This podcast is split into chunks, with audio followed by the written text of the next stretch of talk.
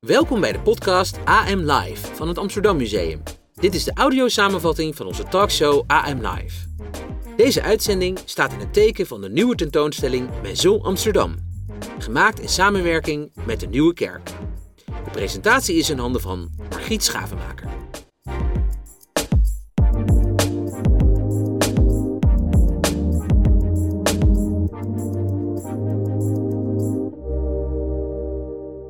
Welkom, fijn dat je kijkt en luistert naar AM Live, de talkshow van het eh, Amsterdam Museum. We zijn begonnen aan een nieuw seizoen. Elke maand zijn we aanwezig met een, eh, een panelgesprek, een aantal kleine items over tentoonstellingen, activiteiten van het museum.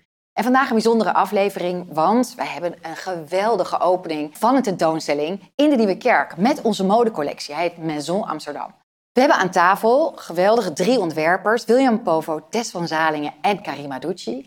En naast mij de sidekick van vandaag, Nienke Bloemberg. Jij bent uh, curator bij het uh, Centraal Museum, maar ook bij ons. En jij bent verantwoordelijk, samen met uh, de Nieuwe Kerk, voor die fantastische tentoonstelling. Ja, ja het is echt uniek. Het is ja. echt uniek. Eigenlijk had hij een jaar geleden al opengemoeten, maar ja, corona, Ja. corona. Ja, maar nu is het eindelijk zover. Nu is het eindelijk zover. Kan je iets Ja. meer vertellen? Want ja, voor wie het niet weet, we hebben dus een fantastische modecollectie van 250 jaar, modegeschiedenis. Eh.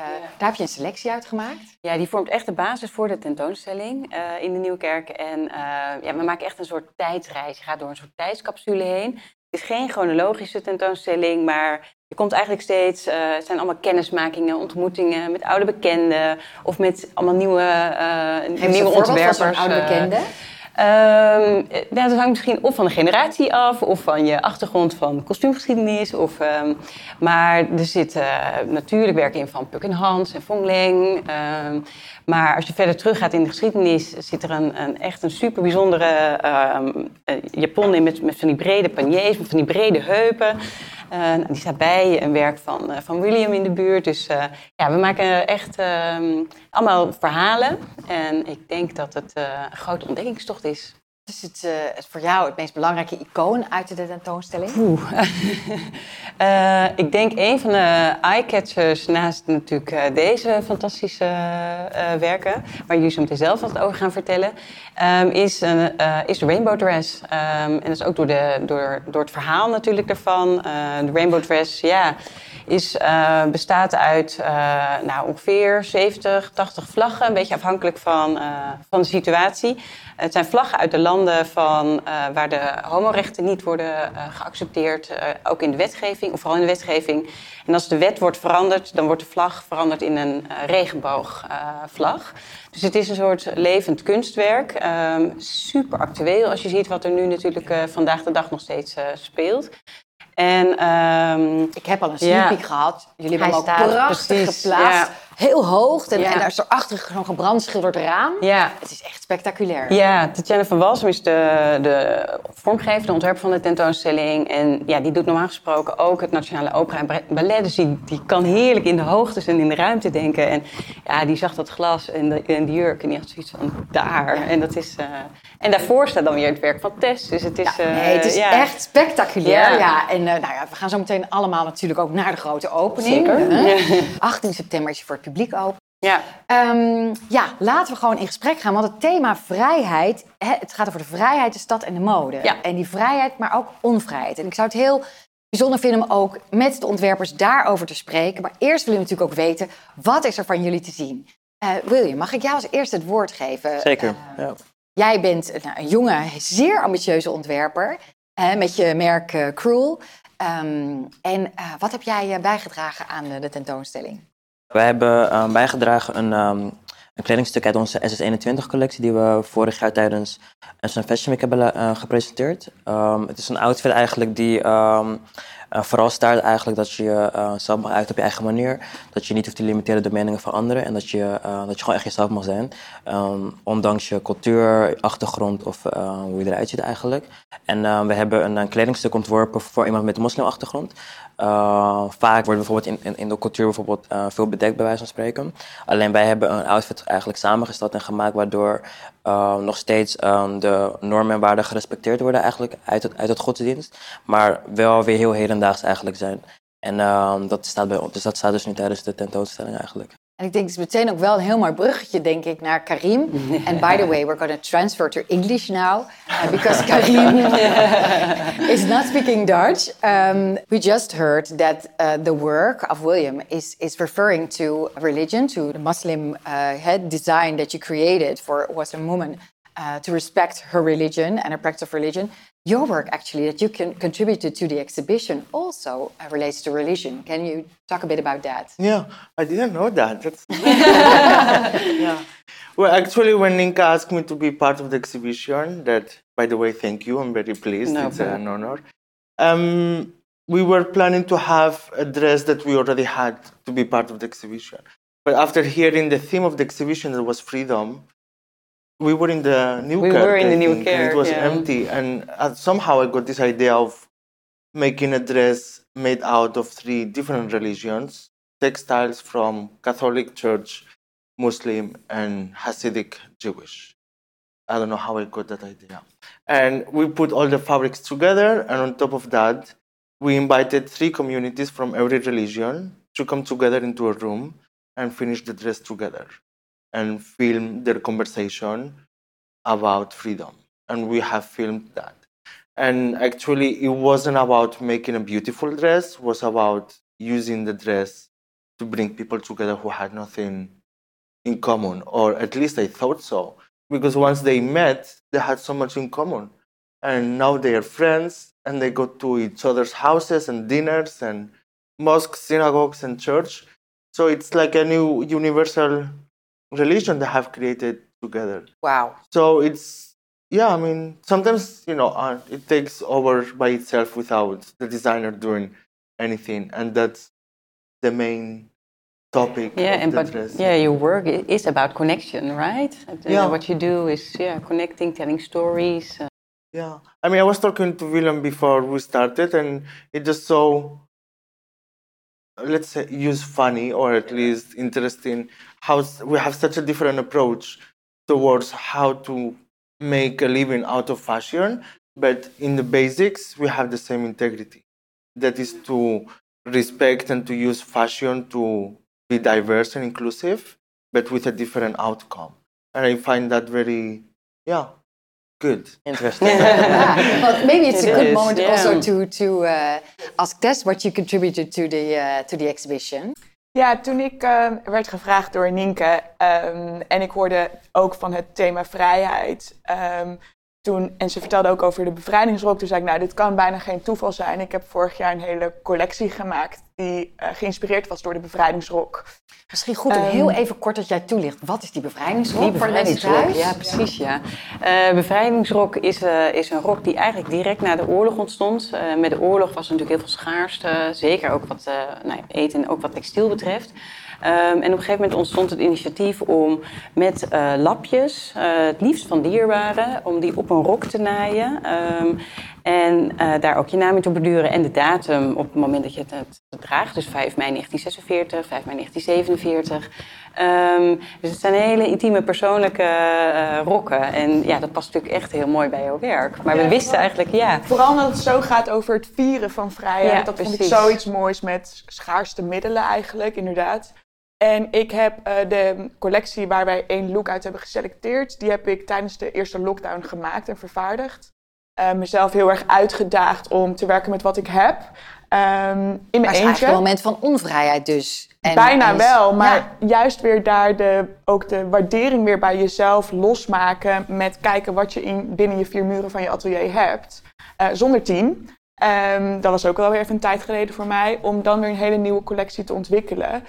En ehm, ik denk dat juist ook dat gevoel wat bij zo'n bevrijdingsrok loskomt, ehm, emotionele stukken aan elkaar linken en daar een eh, mooie boodschap mee uitdragen. Ik denk dat dat heel erg centraal stond ook in mijn collectie. Dus eigenlijk hadden we de luxe om van de hele collectie een hele mooie look uit te kiezen. Ehm, dus ik had de keuze een beetje bij Nienke neergelegd. Zo van, nou, kijk naar welk silhouet je mooi vindt passen in de tentoonstelling, in de ruimte. Ook eh, ten opzichte van de andere ontwerpers waar ik bij in de buurt sta. Ik vind gewoon dat ehm, vooral met een tentoonstelling en vooral met het verhaal wat hierachter zit, dat we dit met z'n allen een soort van heel mooie tentoonstelling kunnen neerzetten, wat ik altijd een heel mooi gegeven vind.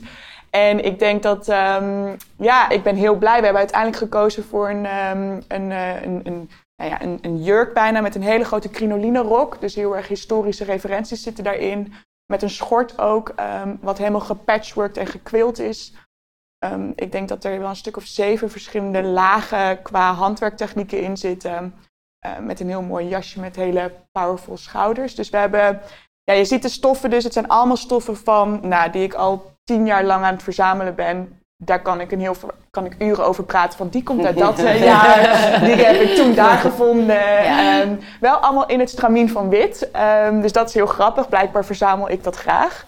Um, en dat is wel heel erg leuk om te zien. En het staat, ja, het staat op een hele mooie plek. Dus uh, ik ben ja. heel erg blij eigenlijk. Je ziet ook heel mooi de constructie van die crinoline. Hè? Dat zit ja. normaal gesproken echt verstopt onder die historische rok. En het is zo leuk dat je dat bij jou kunt ja, zien. ik heb echt gekozen voor een schort. Waardoor, en hij staat ook een wat hoger. Uh, waardoor de bezoekers ook echt uh, erin, eronder kunnen kijken... om de constructie van zo'n crinoline eigenlijk te bekijken. Ja. Very nice. And I think that uh, if I make a bridge back to Karim, this this this re references to freedom, unfreedom, but also this, yeah, in a way, connecting, connecting mm -hmm. different worlds. I think yeah. that's all central in in your work, and that is something that is, I think, truly interesting. Also, the show you curated, yeah. that it becomes such a common thread. Uh, but the city as a location, I mean, um, some of you have come to the city, some have maybe born in the city. Um, but how is Amsterdam as a place? I mean, I would, of course, love to think of it as the perfect place for fashion, but has it always been that way? We made a short documentary with you yeah. uh, going um, to the Zeedijk. Yeah. Maybe we can take a look and then talk about it. Yep.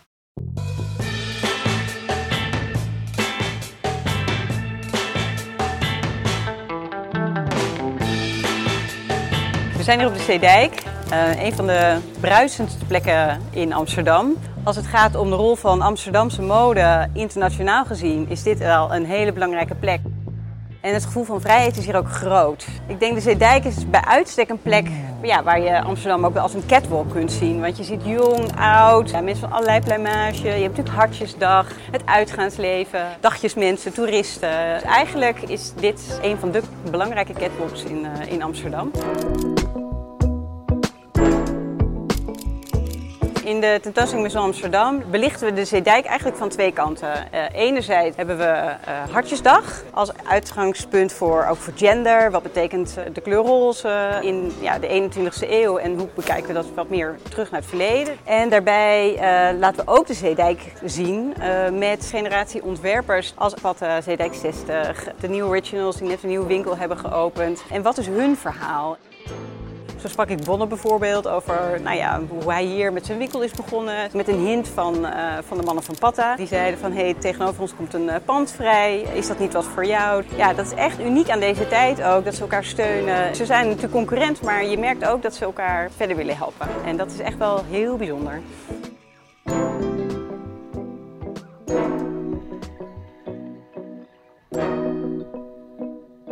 Hey, superleuk.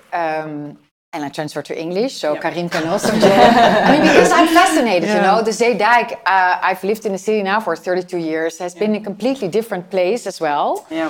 Um, and, and now, suddenly, this hip, trendy fashion area. Yeah. Place to be. Place to be. Yet, we are also facing major challenges, uh, gentrification. Is mm -hmm. this already over its, its, its high, and, and where is it moving towards? Or because uh, do you give answers in the show about that? Um, I think for this specific uh, with the with the Zeedijk, uh, what's really interesting and also um, well, what, what, we talked about here on the table is um, Amsterdam is a big city, but when you see it like worldwide, it's a small city. Everybody knows each other uh, or is linked, you know, by one handshake away. Um, so when there um, there used to be a lot of competition and like fighting uh, between the, the, different designers. And I think from the new generation, there's a lot of cooperation and there's a lot of working together. Um, so, uh, and the Zeedijk sort of um, symbolizes that. Yeah, and, it's a sort and, of marker of this unity yeah, in a way. Yeah, of the, of the, new, yeah, how, how it can also work. Uh, all self-made men, which is, or women, but uh, yeah. yeah. Um, so that's um, I think it's very interesting to and, and also quite unique in the world to have uh, yeah to have this hummus or uh, feeling yeah. But then to turn to you, I mean, there's also different strategy between amongst you Yeah. uh, because William, I mean, you are a fighter. You're trying, you know, you participate in Amsterdam Fashion Week. You do your shows. You really try to get into the system. Yet we have also have Karim, who really makes a strong statement of not being in the system and doing, eh, following his own course in a way. So, William, if you look at this, you want to be part of that too. You want to be part of Zeedijk. Um, Oh, you're already part. oh, sorry. Ja, m- mijn, eh, mijn showroom is, eh, mijn showroom zit in de um, Ouderzijds Voorburgwal, dus een straat achter de Zeedijk. Maar ehm, ja, ik, ik denk niet dat ik per se ehm, bewust een, ehm, een eh, onderdeel zijn van Zeedijk, maar ik denk dat ik onderdeel ben van het grote geheel, zeg maar. Want ik denk dat eh, zonder Zeedijk dan had je merken als het Patta, Daily Paper, Feeling Pieces, die had je dan misschien niet. En ik denk dat Zeedijk een hele belangrijke straat is in Amsterdam, omdat het toch wel een hele belangrijke invloed met zich meebrengt, zeg maar. En ik denk dat het vooral gebeurt. Dus ik denk dat daar vooral eh, jongeren eigenlijk in, eh, geïnteresseerd raken in high-end, maar ook weer in streetwear, zeg maar. En de jongeren die heb je nodig voor de toekomst, zeg maar. En ik denk dat dat daarom een hele belangrijke straat is eigenlijk. En ehm, ja, wij zullen daar dan ook on- onbewust eigenlijk een take van hebben gehad. Want ik ging vroeger toen ik 16 was ook naar de Zeedijk en dan kwam ik Patta tegen of dan kwam ik daar um, Comme de Garzon tegen bij wijze van spreken. Waardoor ik dus nu heel erg geïnteresseerd ben geraakt in high-end bijvoorbeeld. Dus ehm, ja. Kom je ook uit Amsterdam? Ik kom uit Almere. Ik ben daar geboren en getogen. En ehm, ja, nu woon ik vier, vijf jaar in Amsterdam. En ehm, ja, geweldig eigenlijk. Ja, het is, ehm, ja, ik voel me helemaal thuis. Zeg. En jij, Tess? Eh, ik ben een eh, geboren Utrechter. Eh, ik eh, heb ehm, nou, vier jaar eh, aan Amsterdam Fashion Instituut gestudeerd in Amsterdam. Altijd in Utrecht blijven wonen. Ehm, kom jij natuurlijk ook vandaan, Nienke. Eh, maar ik ben eh, vijf jaar geleden, toen ik mijn eh, label startte, eh, heb ik met mijn eerste collectie de Tree Package Deal gewonnen van het Amsterdamse Fonds voor de Kunst. Ehm, en daarmee geven ze eigenlijk het talent van dat jaar de mogelijkheid om zich te vestigen in Amsterdam. Dus dat was voor mij eigenlijk Een soort van springplank, de eerste kennismaking echt om met Amsterdam te leven, te eh, wonen, werken, eigenlijk alles. Ehm, maar ik moet zeggen, het, ehm, eh, voor de creatieve industrie helpt het inderdaad enorm voor mij. Ehm heeft me wel echt een boost gegeven. En ja, was, het ging wel vanaf het begin gelijk keihard, doordat ik hier in het nou ja, bolwerk natuurlijk zit van de creatieve industrie. Dat was wel heel fijn. Karim, uh, they're talking both about that Amsterdam has this sort of magnet function, and if it's Zeedijk or Amsterdam in general. And uh, how is it for you to come here? Since when are you here? 2012. Oh, so that's quite a long time already, Yeah. almost a decade. And, Almost, uh, but not a decade. but, but how is that for you? And but you, you are really keen on on making this sort of yeah uh, special place in way creating, and also I think criticizing a bit the the the, um, the core values or the, the power structures away in a way of, of the fashion industry. yeah, I, yeah, I don't know if it's criticizing, but yeah, it might be, but in silence. with, with a smile. yeah. I don't know. Before I did, uh, for me, everything happened too fast. I did the fashion show at school at Rietveld. Then the next year, they asked me to open Amsterdam Fashion Week. Then I didn't like it. Then I had my own show, my own venue as a statement that I loved. And then I did a fashion show in Paris Fashion Week. That was my dream. And then I'm like, oh my God, I'm going to go into that system of having shows every six months. I'm going to lose it. So it was that moment I step back or I just go with them and I fall on my face. So I just locked the door and I left. So when I did that, I had to find my own space with the art world and the cultural world and fashion and still do what I love that is the crafts and the interaction and the slowness of it. I mean, when I say slowness, I'm not, I'm very busy, but I mean, I mean the, the process of enjoying what I'm doing. And of course, it's because also I have been asked so many times, when is your next show? I just decided not to have a show as a To take your own temporality. I will a have a sense. show when I Yeah. feel like it. Karim, Yeah. how long uh, did it uh, take you to make the dress that's on show, on display um, in Um, Nassau Amsterdam? Because, uh, yeah, it I took a while, around right? three months. Yeah. So it's in a way you have slow curating, you have slow fashion design. Maybe it's more conceptual. Yeah, I mean, we have dresses they are made in a day, or others they are made in three months, or others they are made in six months. Depends, but some of that, mostly what I do is listen to the dress or the fabric or the textile, because it was so strong visually, it was crashing.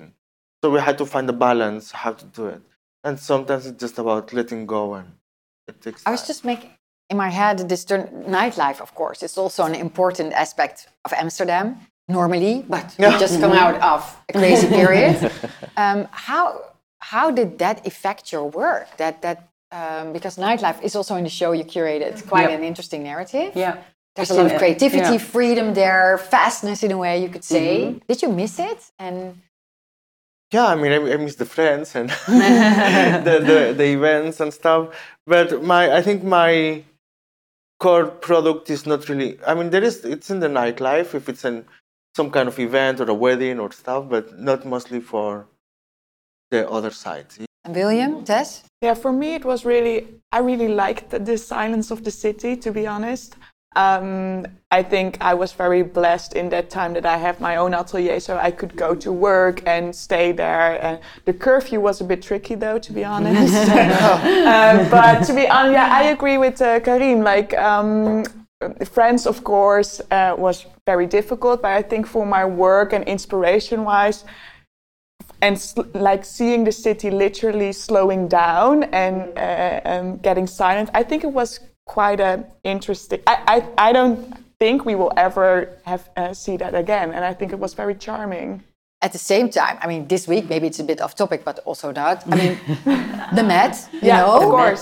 So- finally we can look and see people mingling and also dressing up for the occasion. Did you see it, Nienke? You, you must have seen it. yeah, part. part. Yeah, William. Yes, I ook, ja. ja. There were Dutch designers, right? Amsterdam designers also Yep. represented. Who?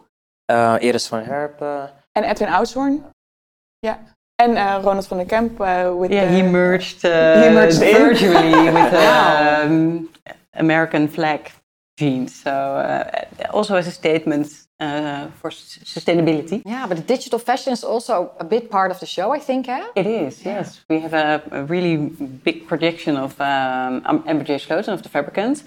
She's actually the first one who sold a virtual dress um, in 2019, um, which is, you know, the idea to have, yeah, a very precious dress in, you know, virtually. That's quite an interesting concept.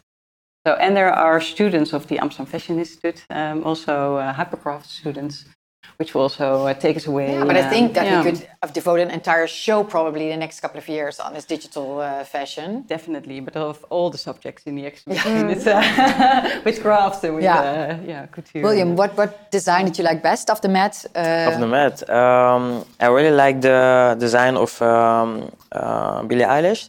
The re- the really big um, yeah purple uh, um, dress and um, yeah the look of Kim Kardashian also with the, Demna from Balenciaga. It was really interesting also to uh, to see that. It was it was so criticized that look in Yeah. France Yeah, but I think because of the Oh, oh, regulations that mostly women cannot cover Ah, themselves, of and then she does it in a Met Gala.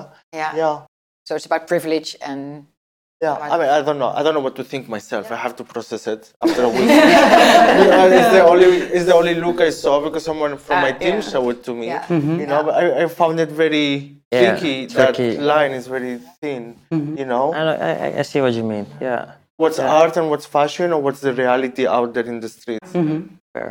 Yeah. Well, maybe actually it's a very good uh, topic to end also this conversation with, uh, because I think this whole idea of freedom, Freedom. and unfreedom and who is talking uh, is something that is a key narrative in this exhibition. And I hope that it's most of all a very inspiring exhibition, that a lot of people will come.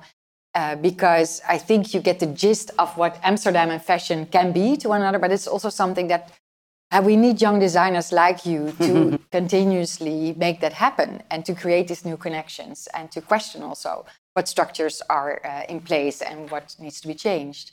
So, uh, and we need to change as well because we need to go to a party and we're very poorly dressed in cute and black. We need to sort of transfer, uh, transform ourselves in also this uh, sort of Met Gala, but then in the Nieuwe Kerk. and uh, to open up this show. But I want to thank you very much for being here. Thank you for And I me. hope that a lot of people are coming. Thank you so much.